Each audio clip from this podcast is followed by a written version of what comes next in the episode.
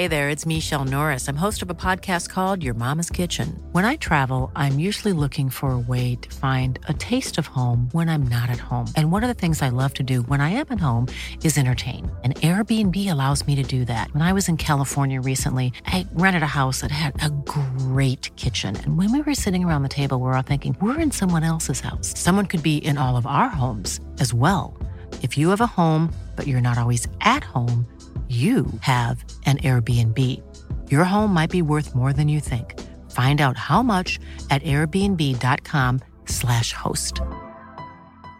Ready to pop the question? The jewelers at BlueNile.com have got sparkle down to a science with beautiful lab grown diamonds worthy of your most brilliant moments. Their lab grown diamonds are independently graded and guaranteed identical to natural diamonds, and they're ready to ship to your door. Go to Bluenile.com and use promo code LISTEN to get $50 off your purchase of $500 or more. That's code LISTEN at Bluenile.com for $50 off. Bluenile.com code LISTEN. Hiring for your small business? If you're not looking for professionals on LinkedIn, you're looking in the wrong place. That's like looking for your car keys in a fish tank.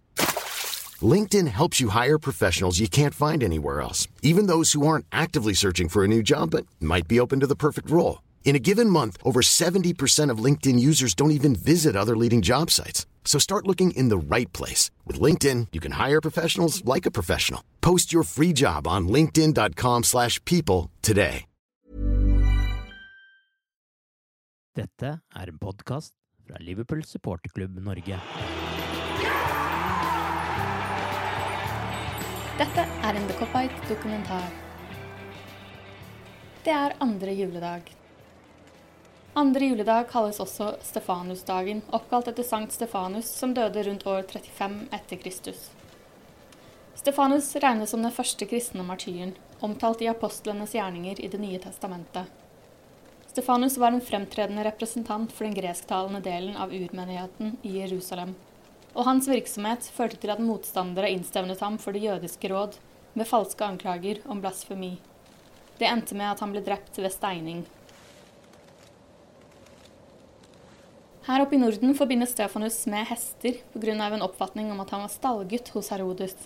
Han var også den første som så Betlehemstjernen da han skulle vanne kongens hester. Pga. hestekoblingen ville det før i tida blitt avholdt flere hestetradisjoner i dag, som å ri annendagsscheid, hvor man tidlig om morgenen ville ri om kapp til et åpent vann for å vanne hestene. Dagen har en høy posisjon her i Norge og mange andre land pga. forbindelsen med julen. Stefanusdagen ble innført i kirkekalenderen rundt år 380, og ble altså med vilje plassert den 26. desember, dagen etter feiringen av Jesus' fødsel. Akkurat hva Jesus drev med andre juledag i sitt første leveår, er jo heller uklart, men at han var eldre enn én dag, det er ganske sikkert. Jesus ble jo ikke født på julaften. Faktisk er det ingen som vet helt sikkert når Jesus ble født. Og ikke alle er helt overbevist om at han i det hele tatt ble født. Som dere sikkert kan høre, jeg er ingen uh, historieprofessor og enda mindre en uh, teolog, så, så, la oss droppe det. La Jesus være Jesus og Stefanus være Stefanus. La oss reise noen år frem i tid, og la oss krysse Nordsjøen.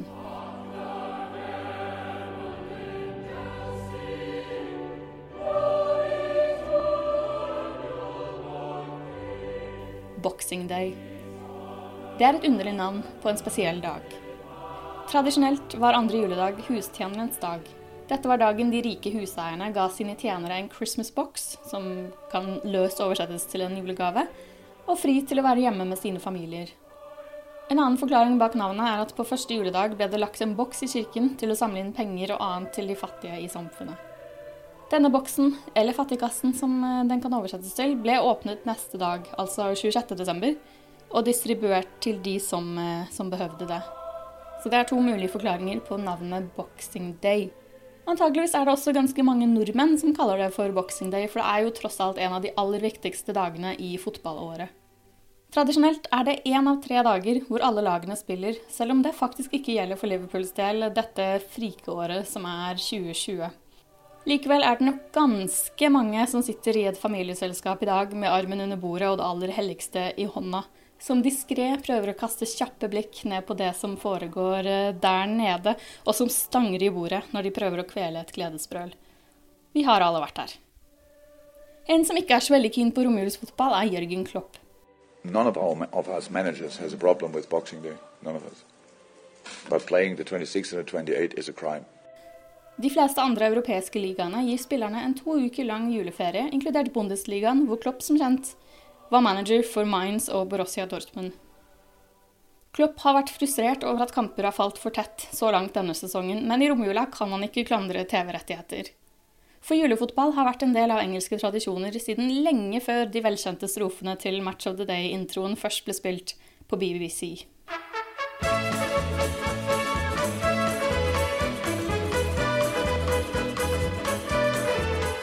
Den tradisjonsrike fotballdagen har nok spritet opp noen juleselskaper siden den kanskje første kampen gikk av stabelen, helt tilbake i 1860. Men spor etter julefotball går helt tilbake til middelalderen. En variasjon kalt middelalderfotball kan dokumenteres helt tilbake til år 1170. Kampene ble ofte spilt rundt jul og påske, og noen av disse tradisjonene lever videre i dag, som f.eks. The Orkney Ba-kampen på første juledag og The Royal Shrovetide Village Game i Ashbourne, Derbyshire.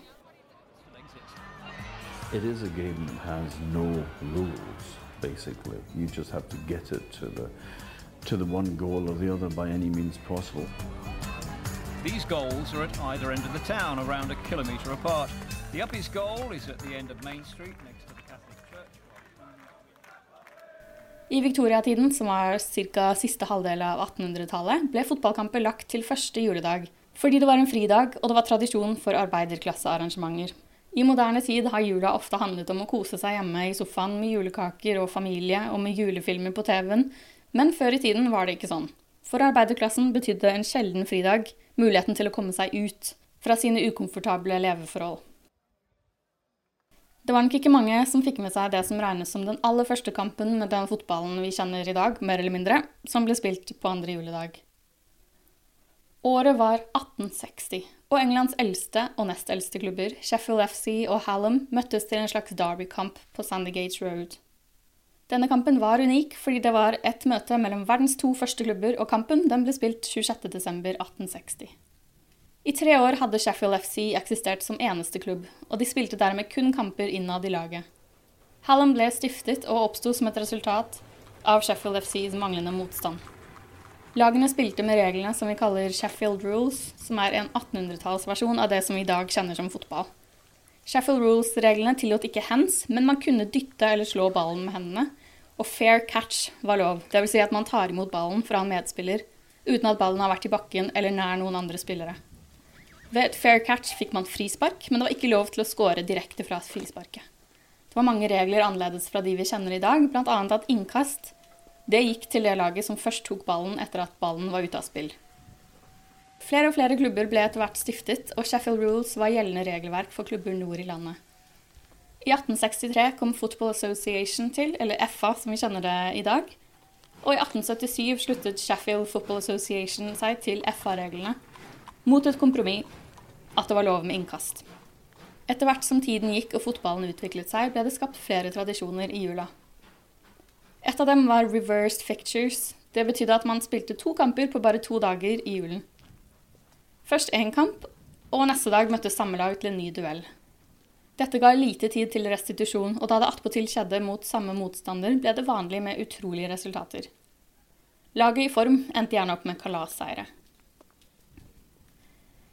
Og hvis Klopp synes det er travelt nå, så skal han være sjeleglad for at han ikke var Tom Watson, Liverpools manager i desember 1913.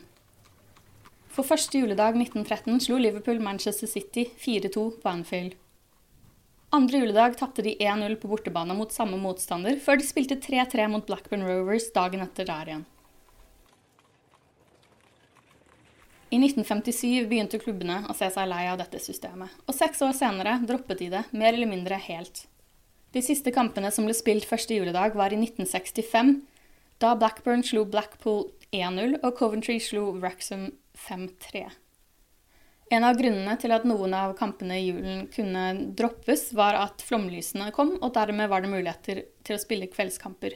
Da var behovet for å presse inn kamper i feriene mindre. En annen grunn er at første juledag ble mer og mer familieorientert, og at kollektivtrafikk ble mer og mer begrenset i jula. Men igjen sto kampene som ble spilt 26.12., nemlig Boxing Day. Dette var riktignok ikke noen eh, eksakt vitenskap, og det hendte at datoene varierte. Men i de aller fleste år, både før og etter at de kuttet første juledag-kampene, ble det spilt kamper på Boxing Day. Det skal for øvrig sies at det fremdeles var et tett program i julen, betydelig tettere enn i dag. Men grunnet historien, bl.a. fra 1800-tallet, var det Boxing Day som ble sett på som den virkelig store og viktigste runden.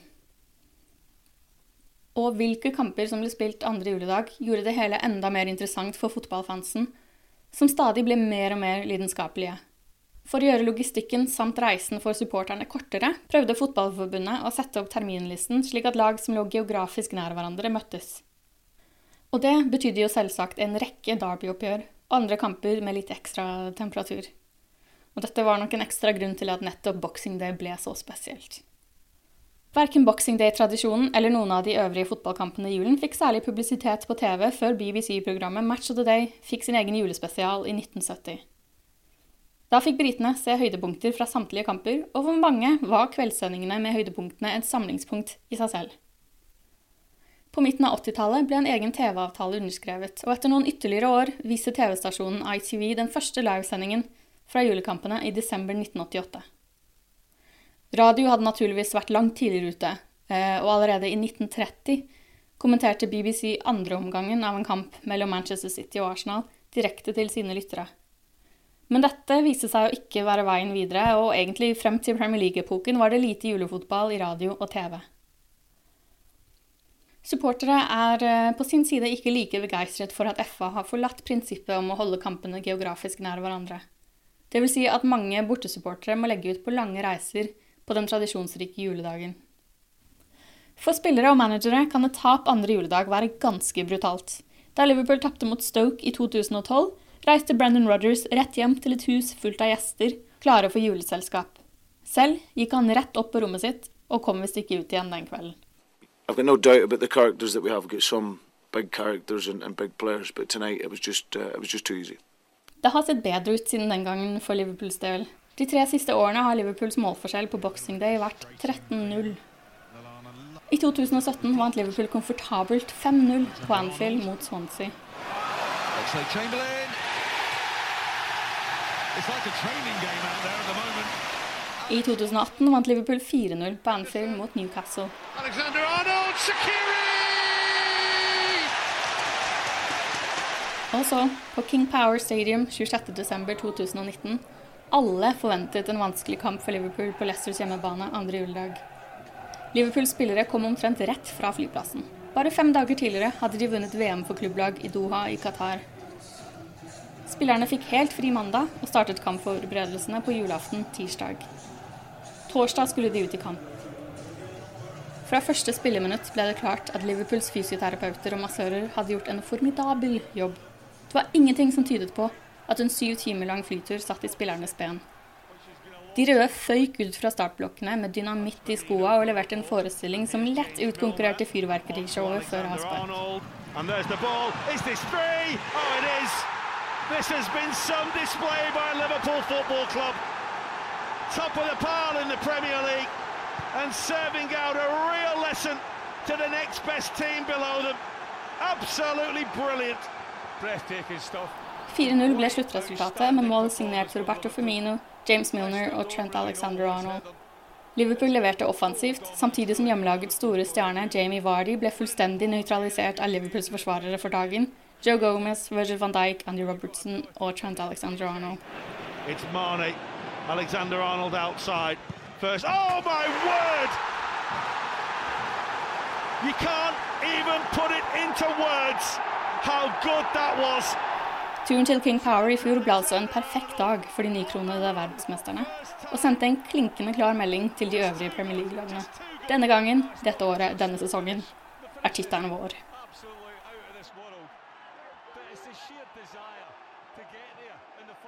I år er det ikke Liverpool som spiller på andre juledag. I stedet er det West Bromwich som venter på Anfield den 27. desember. Det blir en av veldig få ganger Liverpool ikke spiller på den tradisjonsrike dagen. Forrige gang var i 2016. Og så er det jo også en liten værrisiko involvert med disse vinterkampene, selv om England ikke er kjent for uh, sitt heftige snøfall. Men Boxing Day-kampen mellom Blackpool og Liverpool i 2010 ble faktisk utsatt pga. frossent underlag på Bloomfield Road. Og akkurat det samme skjedde for de rødkledde i 1992, da en kamp mot Oldham Athletic ble utsatt pga. is på Boundary Park. Liverpool har totalt spilt 90 kamper på Boxing Day og har vunnet 43 kamper og tapt 24. Den største seieren var en 8-0-seier over Burnley på Anfield i 1928. Jeg mistet nesten tellingen over stolpeskuddene, for ikke å nevne målene, lød en avisoverskrift. Kamprapporten i lokalavisa Liverpool Echo startet på spenstig vis. Excellent time, Christmas, happy days, happy smiling faces and everything seemingly brand new. Liverpools Christmas present to all their fans? Boxing Day! Utropstegn. Journalisten var overrasket over at det ikke ble tosifret, og hadde en beskjed til banemannskapet. Check over the woodwork, boys, they took one hell of a battering.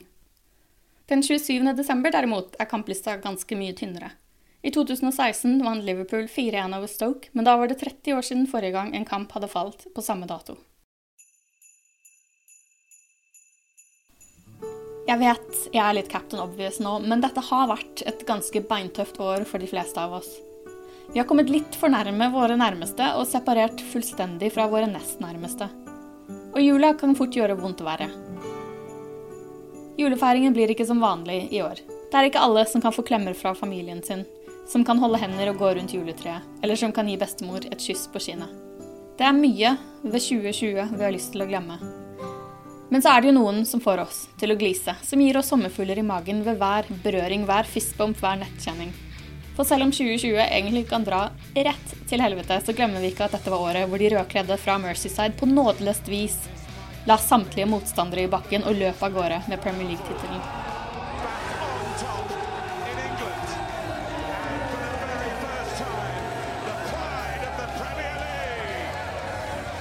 Året hvor de fortsatte der de slapp da den nye sesongen ble sparket i gang igjen ikke lenge etter. Og akkurat nå, nok en gang, ligger ensomt på toppen av tabellen før Boxing Day-runden sparkes i gang. Det har vært noen lysglimt, takket være Jordan Hendersons utrettelige lidenskap, Alison Beckers murvegg, James Milners manglende aldringstegn, Bobby Firminos lekenhet, Virgil van Dijks majestetiske autoritet, Sadio Manés stabilitet, Trent Alexander Arnolds ungdommelige kreativitet og modenhet. Fabinhos kriging og dirigering. Mohammed Salahs rekordhunger. Gina Wijnaldums bein av stål. Andy Robertsons frekke fremoverdriv. Curtis Jones og Scouse power.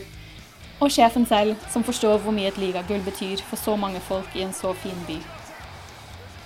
I jula skal man ha for mye av alt. Man skal ha for mye mat, for mye TV, litt for mye tid med familien og definitivt for mye fotball på TV-en. I år er det som sagt ikke alle som får se sin familie, og som får muligheten til å bli lei av sin familie. Så det man i hvert fall burde unne seg, er timevis med romjulsfotball. Med ønske om en fortsatt god jul, fortsatt rød tabelltopp og et bedre 2021.